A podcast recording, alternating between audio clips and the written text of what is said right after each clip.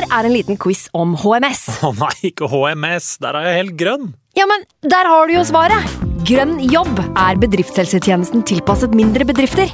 Våre HMS-eksperter hjelper mer enn 8000 bedrifter over hele Norge med alt fra lovpålagte HMS-krav til pålegg fra Arbeidstilsynet.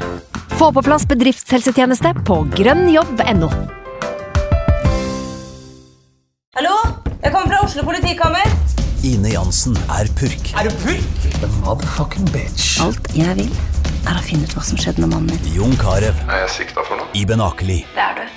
Ole So, Lars Berrum og Big Daddy Karsten. Hvem sin side er du på, egentlig? Anette Hoff, Tone Danielsen, Kommer du fra Afrika?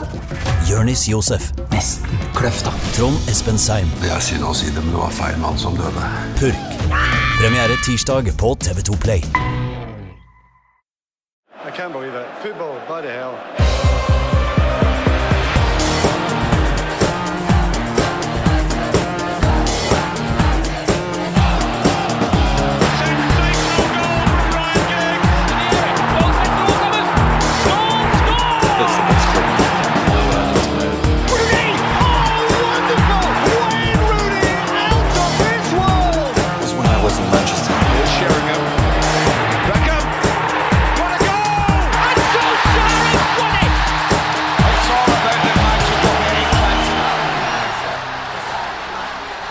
José Mourinho er ferdig i Manchester United. Vi skriver tirsdag 18. desember. Klokka er 14.11.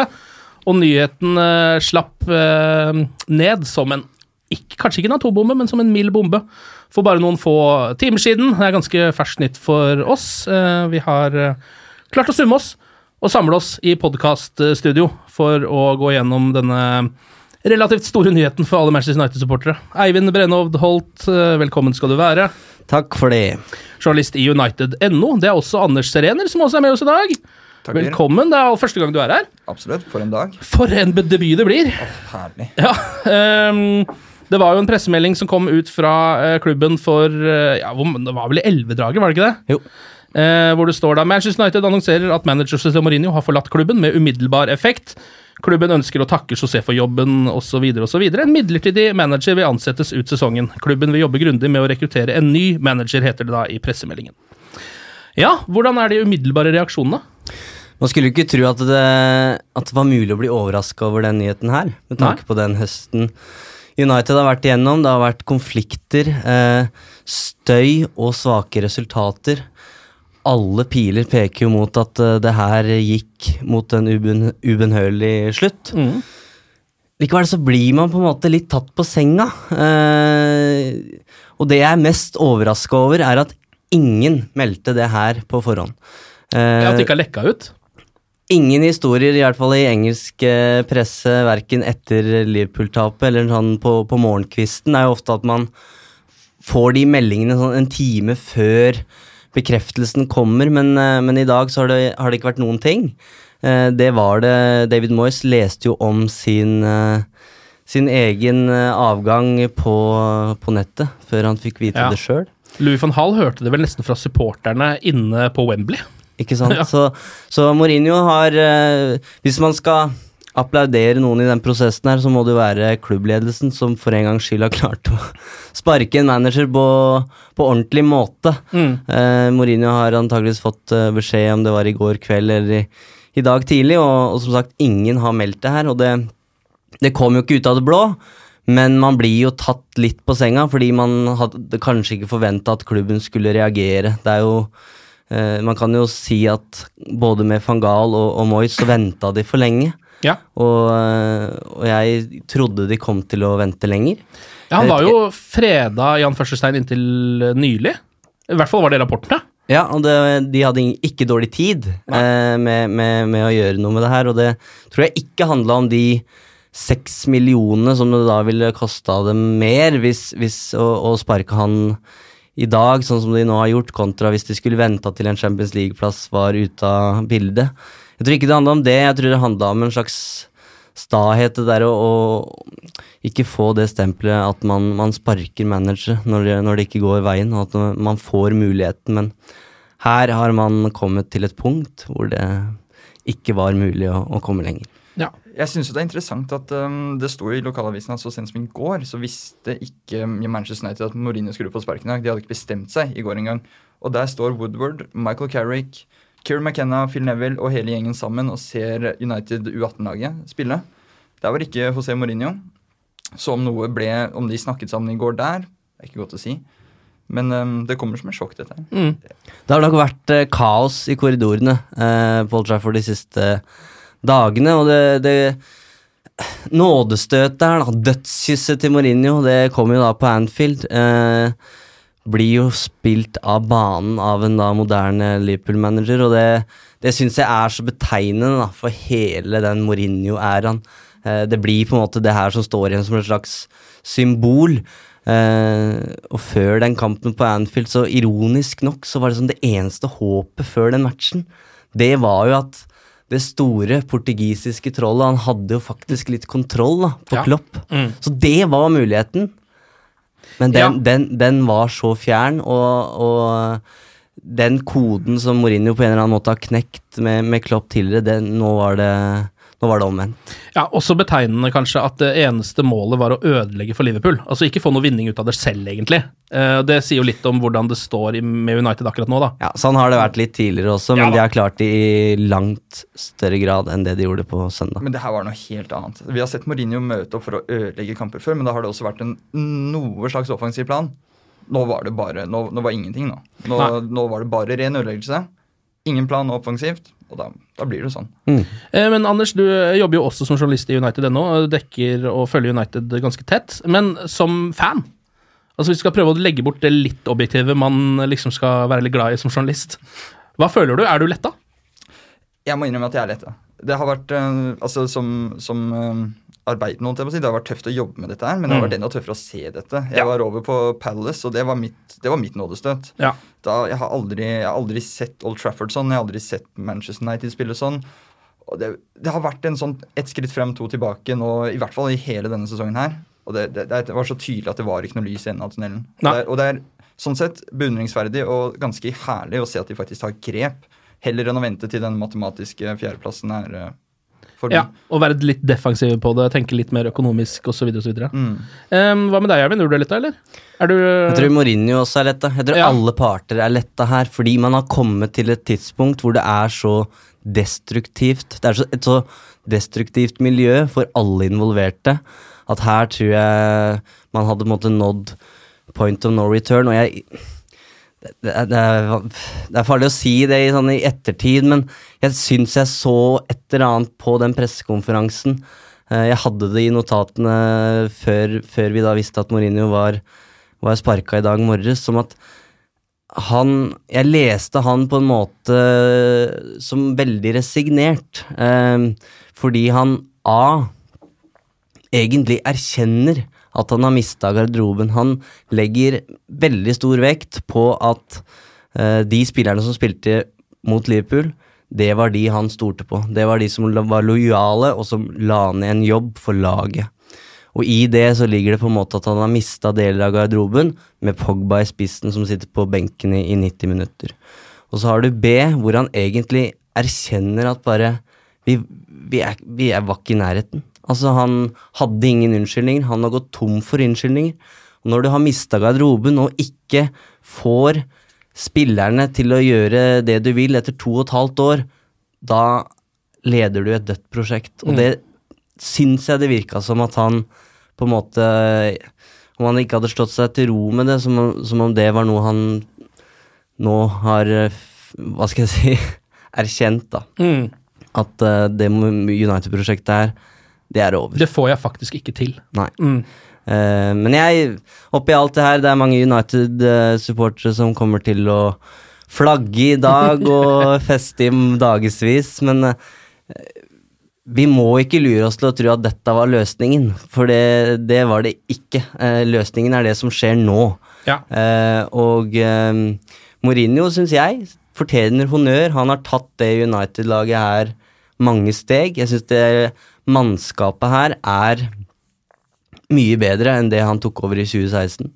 Um, og så tror jeg det kunne skada troppen og klubben på lengre sikt hvis han hadde blitt værende nå, fordi uh, du ser jo uh, den selvtilliten som spillerne har i dag, det, det ville fått konsekvenser på et eller annet vis, om det er Pogba som ville, ville forsvinne eller, eller andre ting. Men, men han har tatt United så langt han kunne. Det er ikke så langt som vi hadde trodd, men eh, et godt stykke på vei, og jeg mener utgangspunktet bør være godt.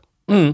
Eh, Før vi går videre på å se litt på hvem som eventuelt skal ta over osv., så, videre, så kan vi jo ta en liten runde på hva uh, Mourinho på en måte har fått til. da, En slags sånn takke han av uh, Mm. på en litt ordentlig måte. Vi Eh, har jo, må si det, vi har pepperkaker her, og Ja.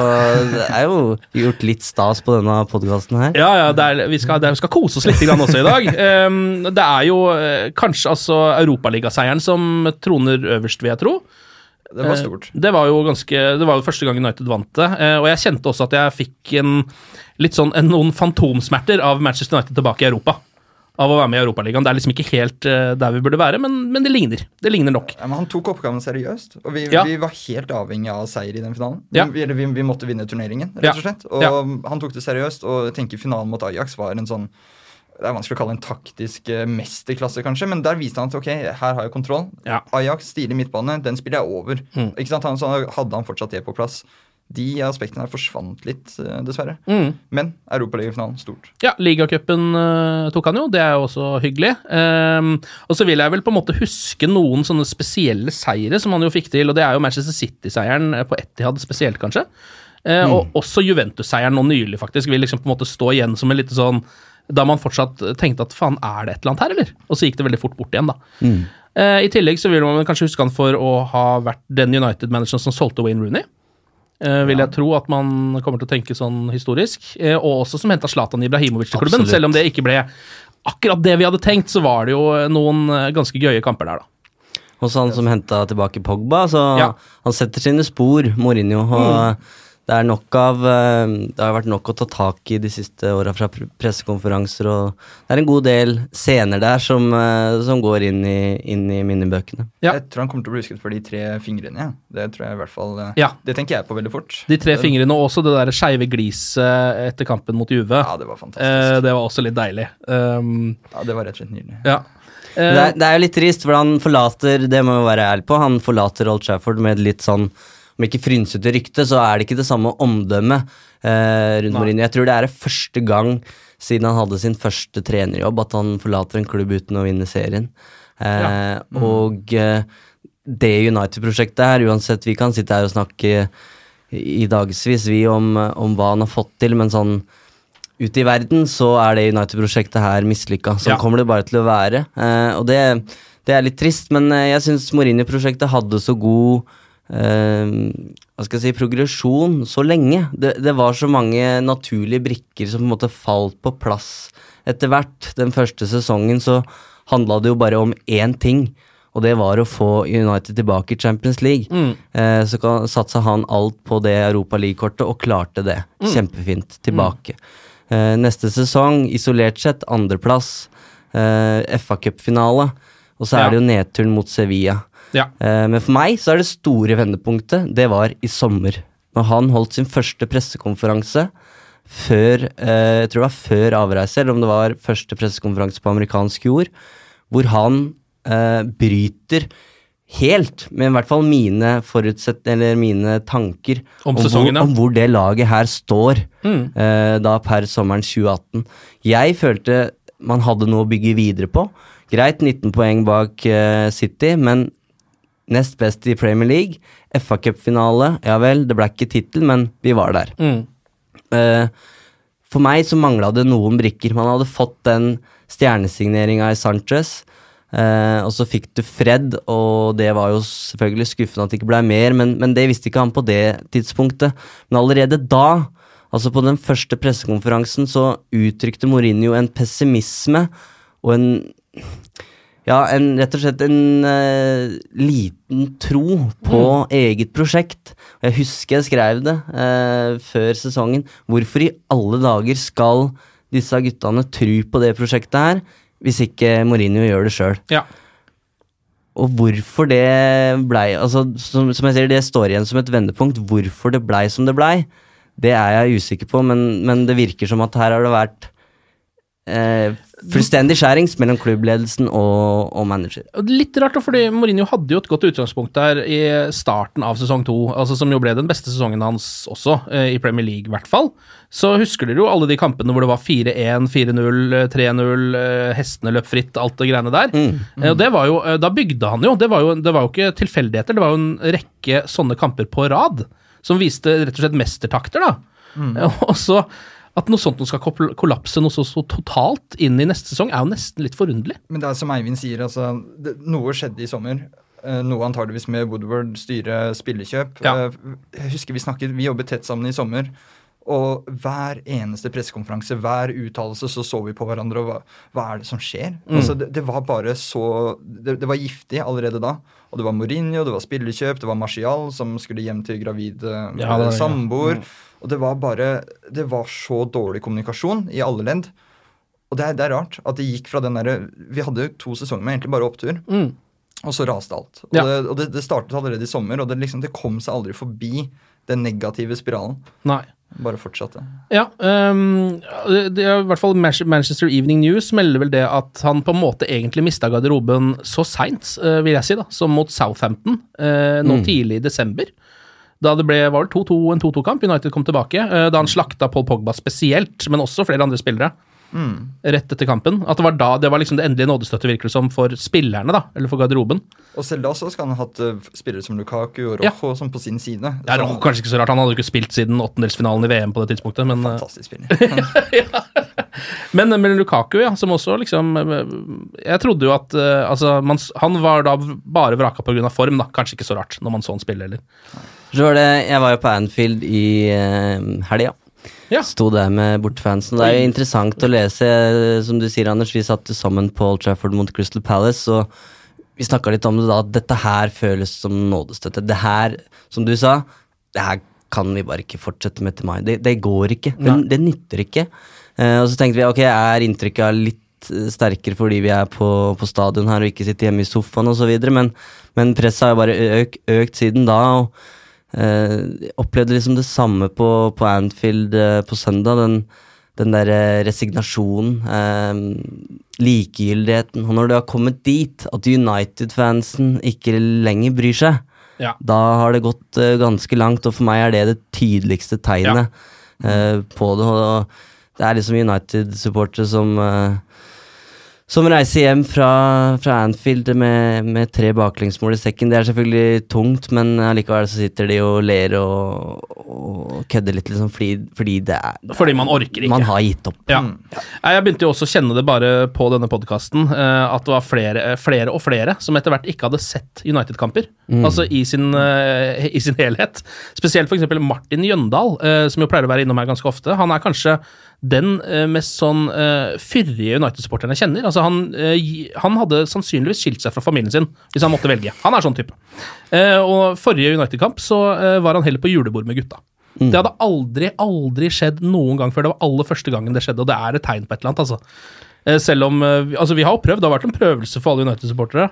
Eh, og vi har vel kommet oss gjennom det med tålelig ære i behold, vil jeg si. Men det her er nok også et av hovedpunktene for at eh, klubben har tatt affære nå. Altså fordi folk har jo rett og slett sluttet å møte på kamp. Ja. For eksempel. Det er ikke mange, men du, du ser tendenser Det er litt mer glissent. Ja, det er litt mer glissent, og du ser det, altså United er opptatt av sosiale medier. Der har det ikke stått en positiv ting om United siden ja, han ble ansatt omtrent. Nei. Det har vært så utrolig negativ stemning rundt klubben, og det går ikke. Nei. Et lite poeng bare helt til slutt, Ken. Eh, Nå snakker vi om Mourinho, og det er det folk kommer til å snakke om i, i dagene som kommer. og Det er mye negativitet. Han får mye skyld. Han står igjen som den store syndebukken. Det veit han veldig godt sjøl at han gjør. Det blir veldig spennende å se hans første intervju når den tid kommer. Um, men det her er, har vært en så kompleks situasjon. Se hvor mye som har blitt skrevet og sagt om Manchester United de siste månedene. Det er helt enormt. Det er så mange rykter, og det er så mye Det er så mange mennesker som er med i det puslespillet her, og det handler ikke bare om Mourinho. Det går litt tilbake på det jeg sa i stad, at det å sparke Mourinho, det er ikke løsningen. det er bare starten. Ja. Um, og her er det flere, uh, for å si det sånn, det er flere i Manchester United som sannsynligvis ikke har oppført seg helt som de skal under Mourinho, for mm. å si det på den måten. Ja, nei, det, altså det bildet som uh, faller ned i hodet på meg, er uh, altså at det Mourinho-plasteret det måtte vi jo rive av til slutt. Mm. Uh, men så ser man under der, så har det ikke grodd helt riktig. Eh, altså Det er fortsatt et jæsla dypt sår under der. Det virker som kanskje noe av eh, noen av beina, splin, beinsplintrene har begynt å gå inn i kjøttet. eh, hvis du skjønner hva jeg mener. Det er, det er mye, det er en eh, krevende operasjon. Fra en veldig god kirurg som skal til for å uh, redde den armen, da, tror jeg. Uh, men hvis vi begynner å titte litt på um, arvtakere uh, Ja. Nå kommer det til å komme en midlertidig arvtaker ut sesongen. Og så kommer det jo eh, sannsynligvis, da, i hvert fall, hvis alt går etter planen, til å komme en mer fast ny manager fra neste sesong av. Um, når det gjelder den midlertidige arvtakeren, så skal vel den være på plass, så vidt jeg har hørt, på torsdag morgen. Det er ikke så lenge til. Eh, det er jo liksom ett og et halvt døgn til. Mm. Så innen folk har hørt dette, så kan det godt hende det er på plass. så Vi trenger kanskje ikke å bruke så mye tid på det, men um, det nevnes vel av engelske journalister at det er ingen av de som er i apparatet nå, som kommer til å ta den jobben. Altså Michael Carrick, eksempel. Nei, når vi sitter her nå, så er det flere som har blitt utelukka enn lansert. Ja. Um, og det her er jo en litt sånn eh, naturlig prosess. Etter en sånn nyhet så, så går telefonsamtalene rundt omkring i, i England, og ehm, Gary Neville var vel lenge den eneste som ikke var utelukka der, før også han blei det. Men eh, Ole Gunnar Solskjær skal være en av de som eh, i hvert fall er opp til vurdering. Ja. Eh, han har vært nevnt internt i, eh, i klubben tidligere denne sesongen med tanke på en mulig midlertidig løsning. Um, det er det Mark Ogden som skriver, bare for å ha det på det reine. Ja, Eh, ISBN-journalist som følger United tett og Ja. burde kunne sine saker. Uh, og det er signaler som tyder på at det ikke er en helt uh, utenkelig løsning. Han har ikke blitt utelukka, så vidt jeg veit, uh, foreløpig. Greia er jo Molde her, selvfølgelig. Han Mm. har nettopp signert ny kontrakt med Molde. Mm. Eh, Men han Men er kommer klart- nok, hvis han får det tilbudet Han hopper jo på det. Det vil jeg nesten tro. Men er det da snakk om liksom, kan han ta permisjon i, i nei, det, det var det altså jeg Ja. tenkte. Altså, fordi Ja. de veit jo at her er det en midlertidig løsning. Ja. Eh, som han leder United fram til mai. Da betyr det at Molde må klare seg uten Solskjær i eh, ca. to måneder i, i starten av eliteseriesesongen. Det er klart, for et hardtsatsende, ambisiøst Molde, Ja.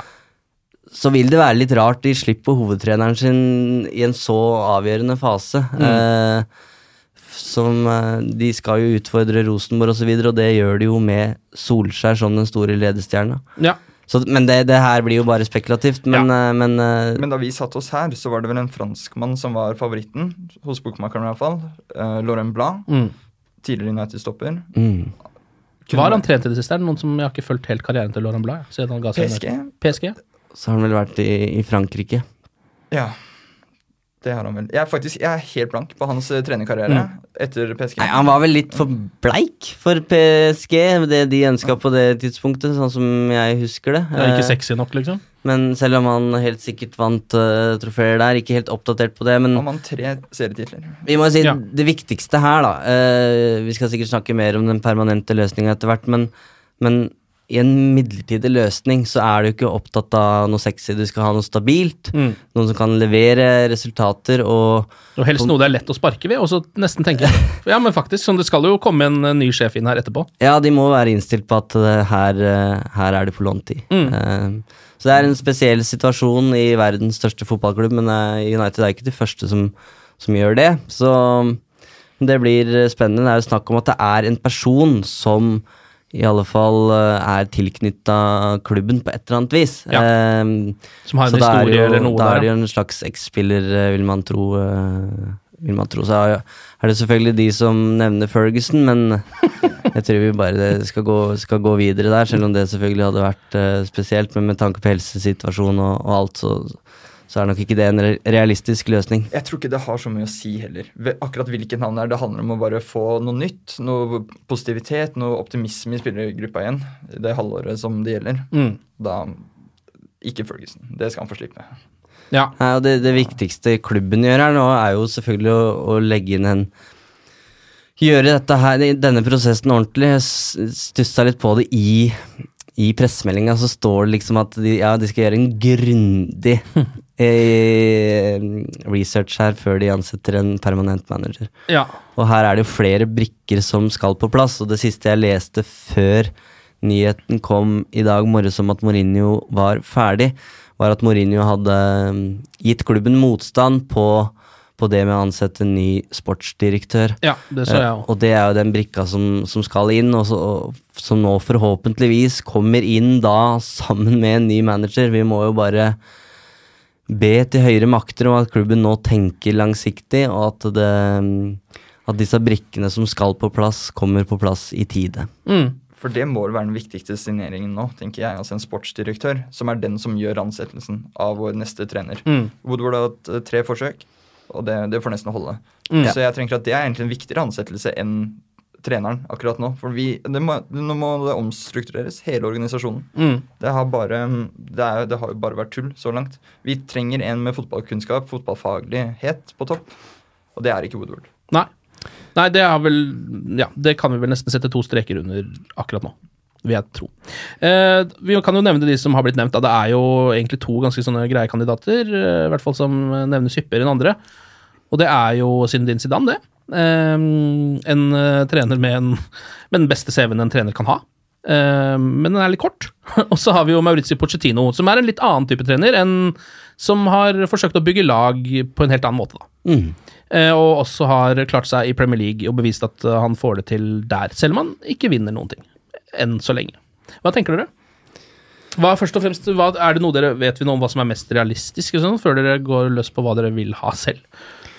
Eh, jeg tror og håper på Mauricio Porcetino. Jeg mener at det er det navnet som bør stå øverst på den ønskelista. Og eh, etter det jeg hører, så er det også en mann de har vært i kontakt med tidligere.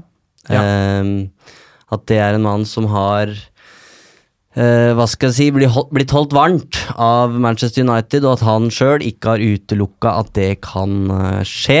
Eh, og så er spørsmålet om det er riktig timing nå.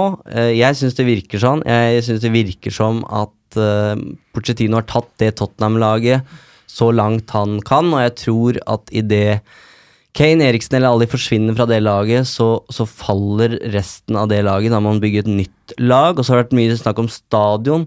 At det på en måte har vært Ikke grunnen til at han har blitt, men det har vært en, en motivasjon å på en måte bygge et nytt lag for, for den stadion.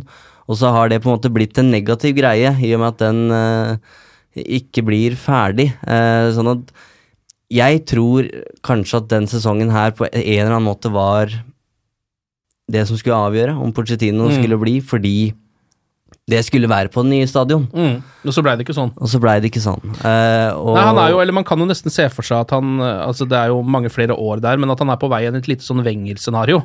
Mm. Eh, Wenger hadde jo litt på samme måte. Bygde eh, et lag for å kunne spille på Emirates. Eh, slutta å vinne, fordi han slutta å putte penger i laget, putta alt i stadion. da. Og det ser man vel litt at Pochettino er på veien inn. Nå fikk han jo ikke kjøpt en eneste spiller Nettopp. i forrige vindu. Um, så ja, eh, jeg, Ja, jeg- jeg, krysser litt fingra for Maruccio Pochettino sjøl, jeg.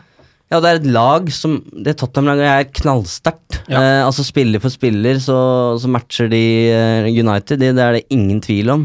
Men jeg tror det laget på en måte har spilt sammen så lenge at de De trenger en De hadde trengt en investering i, i sommer Mm. for å ta det siste steget.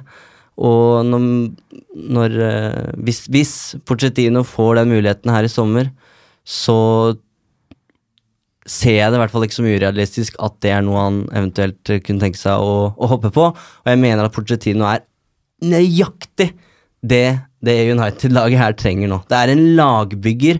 Han er på en måte en del av den nye vinen som håndterer moderne fotballen med, med både offensivt og defensivt press. Og han, eh, han virker som en slags United-mann, mer enn Mourinho i min bok. Og det handler jo også om det han gjør på treningsfeltet. De som har vært der og observert han, Gary Neville blant annet, sier jo at gå for han. Ja. Han, han tikker alle boksene, måten han jobber med spill Og jeg er jo enig med deg at Tottenham i dag er jo strengt tatt et um, like godt eller bedre lag enn United. men det er pga. det samholdet han har skapt i den troppen også. Han bygger et lag. Og det, Tottenham fremstår som et lag, United fremstår som elleve OK-spillere. Ja. Sånn tenker jeg. Og, og Pochettino, han, eh, jeg tror han ville vært interessert i denne utfordringen i sommer. Jeg tror også han har tatt Tottenham omtrent så langt som han kan ta det nå. Litt farlig å si, de kan jo fortsatt eh, gjøre store ting, men eh, jeg tror dette er tiden for han. Og jeg tror at det er også en grunn til at Mourinho nå går tidlig. De, United kjøper seg tid. God tid til å fortsette å forhandle, prate, holde varmt. Jeg, tror, jeg er helt sikker på at han kommer til å gå for i sommer. Mm. Um, det er jo kan jo være litt deilig som United-supporter også å få inn en sånn type trener som fordi altså Da José Mourinho kom, så var jo det litt umiddelbare resultatet man så for seg. Man så jo ikke for seg at han skulle lede det laget i kjempemange år. Eller jeg gjorde i hvert fall ikke det. Så naiv er jeg på en måte ikke. Eh, mens med Mauricio Pochettino så blir det blir det lettere kanskje å gi mannen tid, for man har sett at han beviselig kan få det til hvis han får tre-fire år på seg. da. Og noe sånt nå krever det jo å komme seg opp eh, på toppen av den eh, tabellen igjen, tror jeg. Um, men da er det litt deilig med en, det er litt deilig som United-supporter å kunne på en måte få litt roen, tenker jeg. Hvis de ansetter han, så er det sånn ok. Nå kan det godt humpe litt i noen år, men jeg skal prøve å klare å komme meg gjennom det. For jeg tror på andre siden så er det en skikkelig stor sekk med gull. Mm. Måte det, det, var, det var ikke den tanken jeg hadde nødvendigvis med José Mourinho da han tok over United. Nei, Det skulle alltid være et kortsiktig prosjekt. Så Ja. når jeg så det, Han kommer inn, og det er Pogba og det er Zlatan, og Mm. det er liksom, det er så stort og fint, og vi, uh, alt er uh, sånn Galactico-stemning. Mm. Og det skulle være en quick fix, og det var det jo. Jeg føler jo at United faktisk fikk en type vinnermentalitet tilbake i laget, som hadde vært Mm. fraværende over noen sesonger. Eh, så tok den oss bare så langt. Eh, men jeg tror United-fans vil være villig til å gi en type som Pochettino tid. Mm. Jeg tror han er eh, jeg, jeg tror supporteren vil se at han bygger noe bra, og da kan vi vente to-tre sesonger før vi løfter Premier League-titlene. Ja. Ok, men hva med Zinedine Zidane, da? Eh, har, er det liksom bare et navn som har dukka opp fordi han er en velrenommert trener som ikke har jobb? Jeg mener at eh, Jeg tror det var Jamie Carragher som sa det til kampen på Anfield, at den, det United-laget her, spiller for spiller, de er ikke dårligere enn Liverpool. Eh, men hva er problemet? Jo, det er jo treneren som ikke har klart å skape den samme gnisten, og, og selvfølgelig taktisk ikke ikke klarer å utmanøvrere motstanderen. Eh, så Men det United-laget her, det mannskapet der, det er ikke veldig Zidane-aktig, syns jeg. Så hva Jeg bare prøver å sette meg i Zidane sine sko, noe som selvfølgelig er helt umulig, men hva sier Zinedine Zidane på et møte med Ed Woodward? Jeg, jeg bare ser for meg at han kommer til å kreve et visst knippe spillere, og vi snakker eh, av en viss kvalitet og en viss pris. Og da hvis, hvis det er sånn at Zidane må ha inn fem-seks nye spillere ehm, Da begynner du på en måte å snakke et nytt prosjekt som koster ganske mye før det allerede er i gang. Mm. Jeg veit ikke hva en Pochettino ville krevd. Det kan godt hende at det samme kravet ligger der, at han skal ha med seg Harry Kane til Old Trafford, men Zinedine Zidane for meg blir en det, det, det er ikke helt det prosjektet United trenger nå, tror jeg. Ehm, jeg tviler ikke på det han har, eh, har gjort i Real Madrid. En fantastisk trener, det, det har han bevist. Men, eh, men med tanke på filosofien og litt den usikkerheten Han har jo allerede sagt at han egentlig ikke er interessert i den jobben. Mm. Premier League Jeg er litt usikker. Jeg syns ikke det er hånd i hanske. Nei, Anders? Jeg er, um, jeg er for så vidt helt enig. Jeg ser mange avfeier Zidane fordi at han har hatt det Real Madrid-laget han har hatt. Uh, så vil jeg Som også gikk rett til helvete rett etter han ga seg, da, må vi jo kunne si. si det, at det, Mm. er en, det er jo en uh, egen jobb i seg selv å klare å styre et sånt lag. Uh, et lag fullt av stjerner. Men når han kommer inn på Carrington og ser Scott McTominay sparke ball, så skjønner jo jeg også at det ville skjedd Han hadde krevd store omveltninger da, i den ja. troppen. Jeg, har ikke sett han bygge lag. Jeg Nei. vet ikke hvordan han fungerer over mange sesonger med en uh, litt sånn ubalansert tropp. Um, jeg, jeg tror heller ikke han er riktig mann nå. Men jeg syns det er litt sånn deilig navn. Den er litt fett, da. Det er sinnssykt fett. altså, han er jo en fantastisk mann. Uh, Kunne, vi ikke henta Zidane som midlertidig, og så vinne i Champions League? Og så kunne vi hatt Porcetino i sommer. Ja, Vi har det- fasiten her. Der er jo løsningen. Eh, jo, for jeg tenkte litt på det der, at nå har de jo på Altså sånn, eh, det eneste um, halmstrået man klamra seg fast til, og spesielt siden man hadde José Mourinho ved roret, var jo Champions League.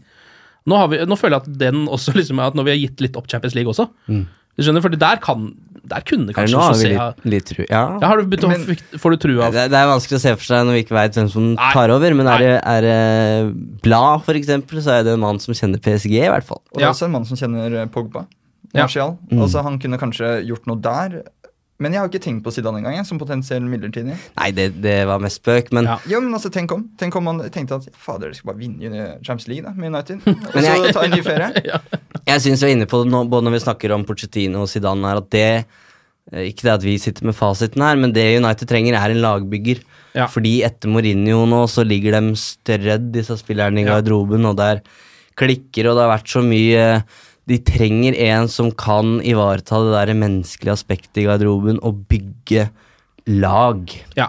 Og kanskje Eh, ha også en litt sånn, syns jeg i hvert fall det vært deilig, eh, en klar filosofi som gjør at man kjenner igjen noe fra kamp til kamp, for det gjør man jo ikke med Mourinho. Verken Mm. spillerne, formasjonen eller spillestilen. Altså Det er helt forskjellig fra minutt til minutt, nesten. Vi har Eh, jo tilpasset, tilpasset oss motstander, Ja, ikke sant? heller enn å spille vårt spill. Ja. Og det, Det sånn føler jeg sånn- er litt gammeldags, altså. Ja, det er det, og det er jo ikke det vi vil se. Nå Nei. høres jeg bortskjemt ut som bortskjemt Ja, ja, men er men, jeg, jeg vil ikke se United gjøre som de gjorde mot Liverpool på Anfield. Nei. Jeg synes det var helt Det er forferdelig å se på Ja. som supporter. Det er ganske kjipt å skrive om også, Ja. men eh, det er, det er enda verre å sitte og se på, Ja. rett og slett. Og Det, Ja.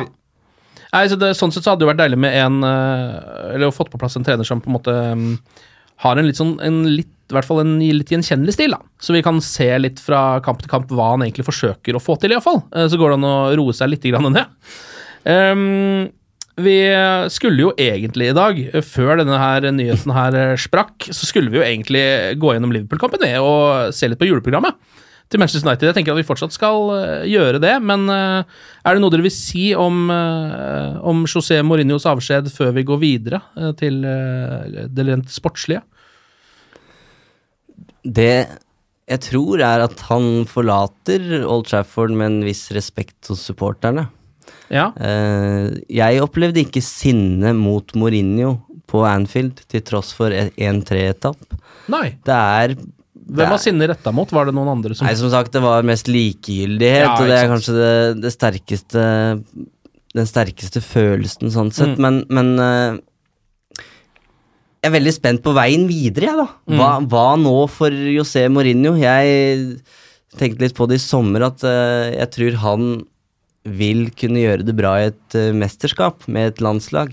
Mm. Eh, og at Portugal en gang i, i framtida, så kan jeg se for meg at han leder de, men jeg er veldig spent på, på veien videre for han, og så, og så tror jeg som sagt at han eh, Det er litt sånn alle, alle så at dette her ikke gikk, eh, sannsynligvis Mourinho også, selv om han helt sikkert har sine forklaringer på hvorfor det gikk som det gikk. Mm.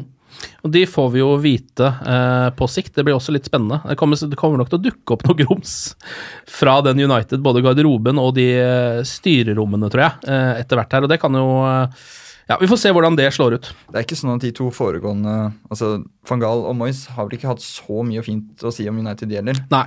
etter at de har dratt, så det skjer jo ting i kulissene ikke vi får innblikk i, så klart. Det er jo, når du først er inne på Moyes, så er det jo kan jo være gøy å nevne det, at uh, hans kontrakt eh, var, er jo fortsatt i driften, egentlig. Altså Hans opprinnelige kontrakt har ikke gått ut ennå. Har ikke han seks måneder igjen? Jo, jeg tror han har seks måneder igjen, ja. Den går ut liksom eh, i mai neste år eller sånn. Så det er han som kommer inn. Fordi han har jo allerede kontrakt, sånn er det jo bare å hente. Han har jo et bånd også til United, så der, der tror jeg vi Hvis det er noen som kan United Way. Ja. Så tenk deg det, så tro hadde de på det prosjektet. Siden så har de da både van Hall og Mourinho vært innom der og ryke igjen. Um, uten at det gikk særlig mye bedre. Uh, vi kan jo eh, titte litt grann på Liverpool-kampen, da. Du var der, Eivind. Satt på Anfield og koste deg. Mm. Det var veldig gøy. Ja. I sånn 75 minutter så var det, Ja. eh, fra et sånt supporterperspektiv, veldig gøy. Eh, Liverpool hadde United på gaffelen, det så vi selvfølgelig.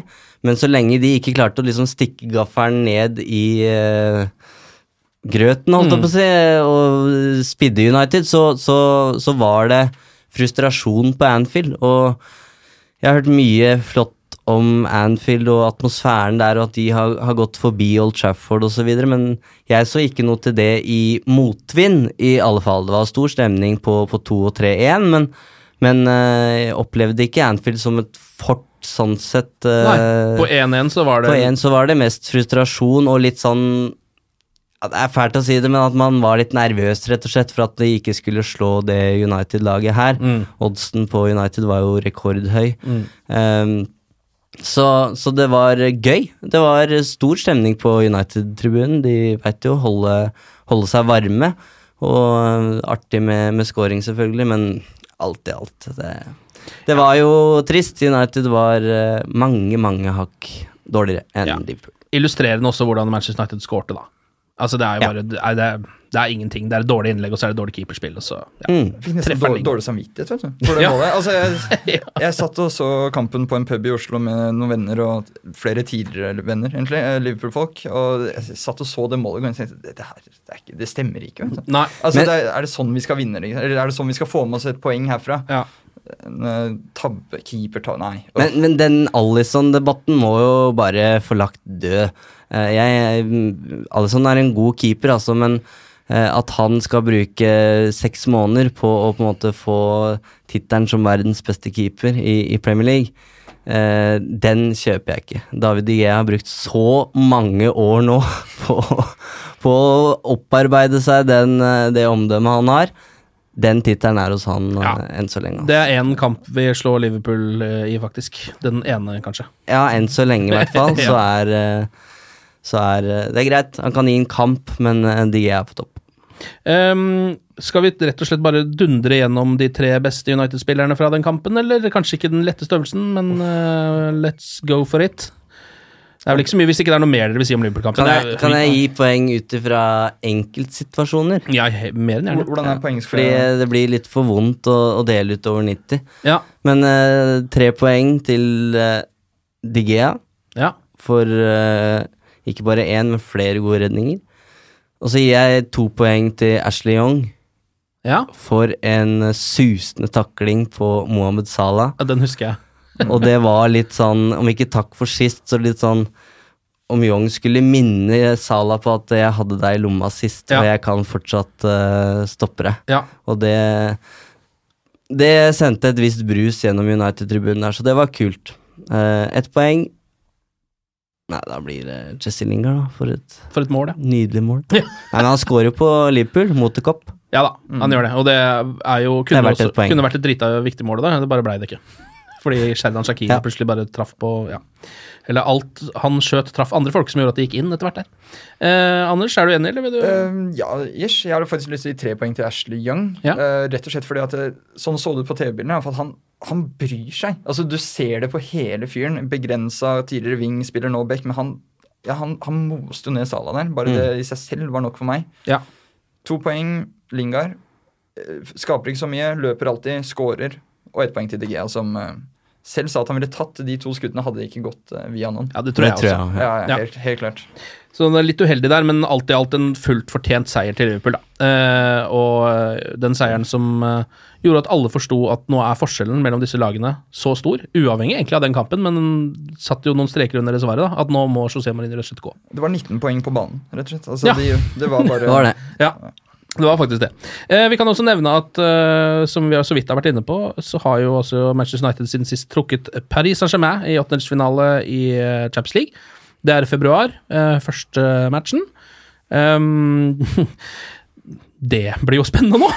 Det er litt vanskelig å se for seg hva vi kan forvente Ja. eh, akkurat nå. ja. Hvem er det som sitter, hvem sitter på den benken, liksom, og hvilke spillere kommer den personen til å bruke? Det får vi jo begynne der, da. Men jeg har jo en slags sånn følelse av at, og i hvert fall håper jeg veldig på, at nå får vi en eh, liten Pogba-revival resten av sesongen. Det må man jo nesten tro litt på nå. Han har vært litt kua, eller bare, ikke bare litt, men i hvert fall sånn som jeg ser det. Eh, virker ikke som han har levert sin beste fotball under José Marino. Eh, Nå vil kanskje han, Jeg tror han er letta nå. Han har jo la ut et litt sånn eh, litt småfrekt bilde på Instagram tidligere i dag som ble sletta nesten med en gang. Eh, hvor han gir et lite sånn I told you so-blikk. Som åpenbart er retta mot José Mourinho, rett etter han hadde fått sparken. Den, Um, den lå oppe i tre minutter, den. Ja. Og så har Adidas satt på seg skylden senere. Men, eh, Adidas, det, er, ja, ja, men det er en ting at vi håper at Pogba får en revival nå, men det må virkelig han også håpe. For at Hvis ikke han nå leverer, hvis ikke han nå viser at han er blant verdens beste midtbanespillere, så kan, han, nå har han ikke Mourinho å skylde på lenger. Nei. Nå er det bare han. Ja. Nå forventer alle å se verdens beste Pogba. Og det blir opp til han å levere verdens beste Pogba nå. Ja. Og det gjelder flere. Det er, eh, den sparkinga her betyr at samtlige United-spillere er oppe til eksamen resten av den sesongen her. Den troppen har blitt beskyldt tidligere for å hva skal jeg si, synes synd på seg sjøl under Moyes og van Gaal. Um, og på et tidspunkt så er det jo ikke de tre managerne som har vært inne, det er noe gærent med nødvendigvis. Da kan det være holdningene eh, til, til eh, spillerne i, i gruppa. Og Pogba er selvfølgelig den som eh, blir mest spennende å følge. Eh, det å se han under en annen manager i United, det blir vanvittig spennende. Og de seks neste månedene eh, blir veldig avgjørende, tror jeg, for, at, eh, for hans fremtid. Eh, men det er så mange spillere her som det står store spørsmålstegn ved. Antonio Valencia, klubbkaptein, som har vært linka nå til Saudi-Arabia. Det er vel egentlig alle forsvarsspillere bortsett fra Luke Shaw, nesten. Det er så mange som må vise seg verdig at de skal få lov til å være med på det neste prosjektet her. Ja. Eh, og det blir, blir spennende å, å følge, fordi ja, eh, Mourinho står igjen som den store syndebukken, men det betyr ikke at det bare er hans skyld at det har gått som det har gått. Nei, nei. Og eh, Romelu Lukaku og, og Alexis Sanchez som de to andre stjernene også. Det blir, det blir så spennende å se de her under en ny manager. Ja, vi avslutta Solskjær-debatten ganske kjapt, men jeg, jeg må jo si at det kribler litt i magen ved, føl eller ved tanken på at Ole Gunnar Solskjær kan uh, komme ut av uh, United-tunnelen som manager. Uh, jeg tenker det at det, er, det virker litt som en sånn gyllen mulighet. Den United-jobben har kanskje alltid virka litt for langt unna. litt for stor for en urutinert Solskjær. Men det å få den muligheten her nå, i, i fem, fem måneder eh, Det er ikke det samme presset som, som om han skulle vært uh, permanent manager. Og det er en kjem, ville vært en kjempemulighet, og så gøy for Ja. eh, norske Ja, ja, ja. United-supportere. Jeg tror det eneste grunnen til at vi ikke snakka mer om det, at jeg, uh, det er for godt til å være sant. For som norsk United-supporter. Men sånn var det jo da han gikk til Manchester United som spiller også. Eh, det var jo også helt Altså, hva i alle dager? Så um, Han har jo et stort navn i gangene. Fortsatt ikke bare fordi han gjør det som spiller, men også som uh, trener senere. Og Jeg satt og skrev om det i går kveld. Jeg sa at Da, jeg så Mason Greenwood skåre hat trick mot Che- Chelsea, tenkte jeg han der er jo Det er som å se en ung Solskjær. Tenk deg Solskjær komme inn og klare å hente opp et par av disse gutta her, f.eks. Ja. Hadde jo vært fantastisk. ja, det hadde jo vært en Ja, det hadde vært utrolig gøy. Ja. For det er, jo bare, det er jo det vi trenger nå. Vi trenger å ha det morsomt. Ja. Jeg kan ikke huske sist jeg så en United-kamp og bare, bare gleda meg. Nei. Det gleder jeg meg til å gjøre nå. Ja. Nei, Du får jo håpe at det er, at det er den eh, veien det går, da. men det blir jævlig spennende å se hva slags respons eh, spillerne gir på dette. Og eh, også litt hva en ikke bare midlertidig, men en eventuelt etter hvert fast trener tenker om troppen. Fordi han har jo også sett Nemanja Matic eh, altså de, de ser jo på TV, de gutta her òg, så de, jeg tror de har allerede en mening om den troppen. da. Og det er én ting med spillerne som er ute i kulda hos Mourinho, men det er, du har jo også de med klippekort. Ja, Sånn som Matic, som jo ikke har levert siden pff, Ja, jeg husker ikke når sist var engang. Det var forrige sesong. Ja, forrige sesong. Egentlig. Ja. Blir litt sånn derre du, du, liksom, Hvor god er egentlig Fred? Jo, nå får vi kanskje svar på det. Ja. Uh, Marcus Rashford, kanskje han er ti ganger bedre enn det vi har sett. Altså, det er så mange spillere her hvor du føler at de Den Mourinho-skyen har på en måte ødelagt så mye, da. Mm. Uh, så det her blir, eh, det blir så spennende. Eh, nå er det jo da det aller første som eh, en eventuell eh, ny midlertidig manager skal ta og få kost seg med, er jo juleprogrammet i Premier League. Det er en enkel start, så bare gå rett inn i det. Kampene kommer tett som hagl. Eh, Masse prioriteringer med stall. Altså det, her er, det er det vanskeligste tiden å være manager i Premier League, da. Det er jo akkurat nå. Eh, vi kan jo ta og gå gjennom det, for vi skal ha en liten juleferie, vi også. Så vi kan jo gå gjennom de kampene som skal spilles i jula. Vi har jo da um, 22. Um, i desember så er det jo Cardiff borte. Og så er det Boxing Day eh, to dager, nei, fire dager senere. Huddersfield uh, hjemme. Og så har vi Bournemouth hjemme fire dager etter det. Og så, uh, 2. januar, Newcastle borte. Ganske greit juleprogram. Ja, United pleier å få, få det. Det er Ja. jo få toppkamper i, i jula som regel. Ja. Så det her er jo rett på.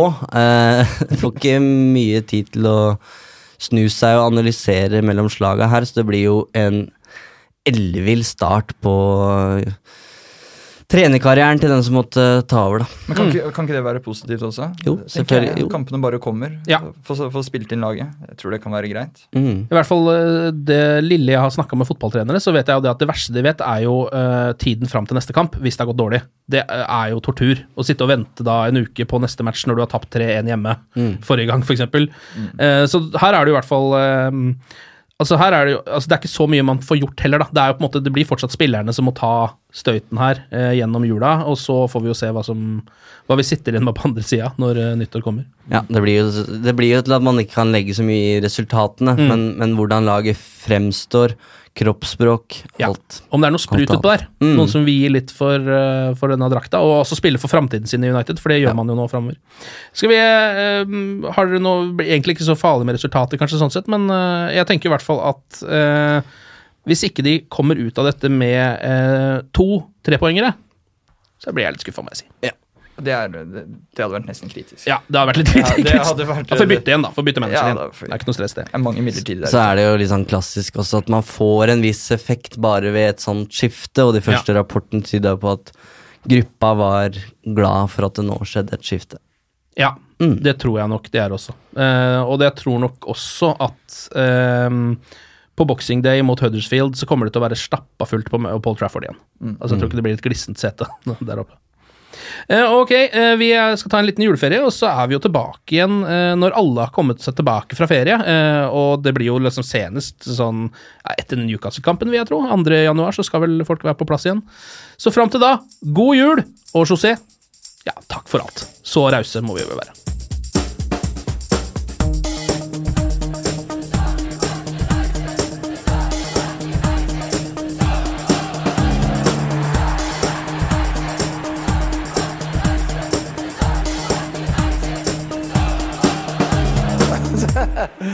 It's true.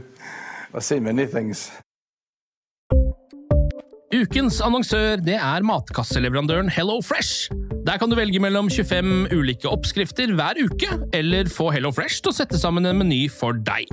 Jeg sparer tid på å handle, oppskriftene er veldig enkle å lage, og så får jeg akkurat det jeg trenger da, til hver eneste rett, så jeg slipper å kaste så mye mat som jeg vanligvis gjør. Det er også litt deilig å faktisk slippe å gå på butikken, ikke bare fordi det er tidkrevende, og sånn, men fordi man ender opp med å kjøpe så mye greier som man egentlig ikke trenger, sånn som fire poser eh, Smash og en kick med havsalt, for eksempel. Det er ikke det du egentlig er der for, du er der for å kjøpe, kjøpe middag. Så det er en veldig eh, kjekk ting. I tillegg så er det jo eh, ferdigporsjonerte ingredienser, det blir mindre matsvinn, og du betaler bare for det du faktisk trenger, og det du faktisk da spiser. I tillegg så blir det da levert på døra til et eh, fastsatt tidspunkt, sånn at du kan få det akkurat når det passer for deg eh, sjæl. Hvis HelloFresh høres ut som noe for deg, så har jeg en rabattkode du kan bruke også. Gå inn på hellofresh.no og bruk koden HelloUnited24. HelloUnited i ett ord, også 24, og få opptil 1779 kroner i rabatt på de fem første matkassene dine hvis du ikke har prøvd HelloFresh ennå. Du kan også bruke koden hvis du tidligere har vært kunde, men har stoppa abonnementet ditt for tolv måneder siden eller mer. Det er ingen bindingstid, og du kan pause eller avslutte abonnementet ditt akkurat når du selv måtte ønske. Husk koden HelloUnited24, og bon appétit!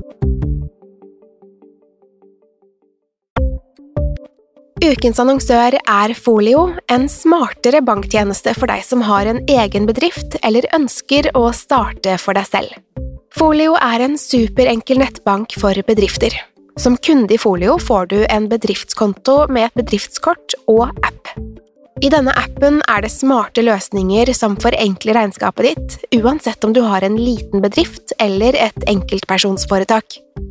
Folio er både intuitivt og brukervennlig, og er laget med et enkelt språk. I tillegg tilbyr de forutsigbare priser og ingen skjulte gebyrer. Skulle du likevel trenge det, så kan du snakke med deres raske og hyggelige kundeservice, og der får du prate med en faktisk person og ikke en chatbot. Folio er med andre ord både enklere og koseligere enn banken.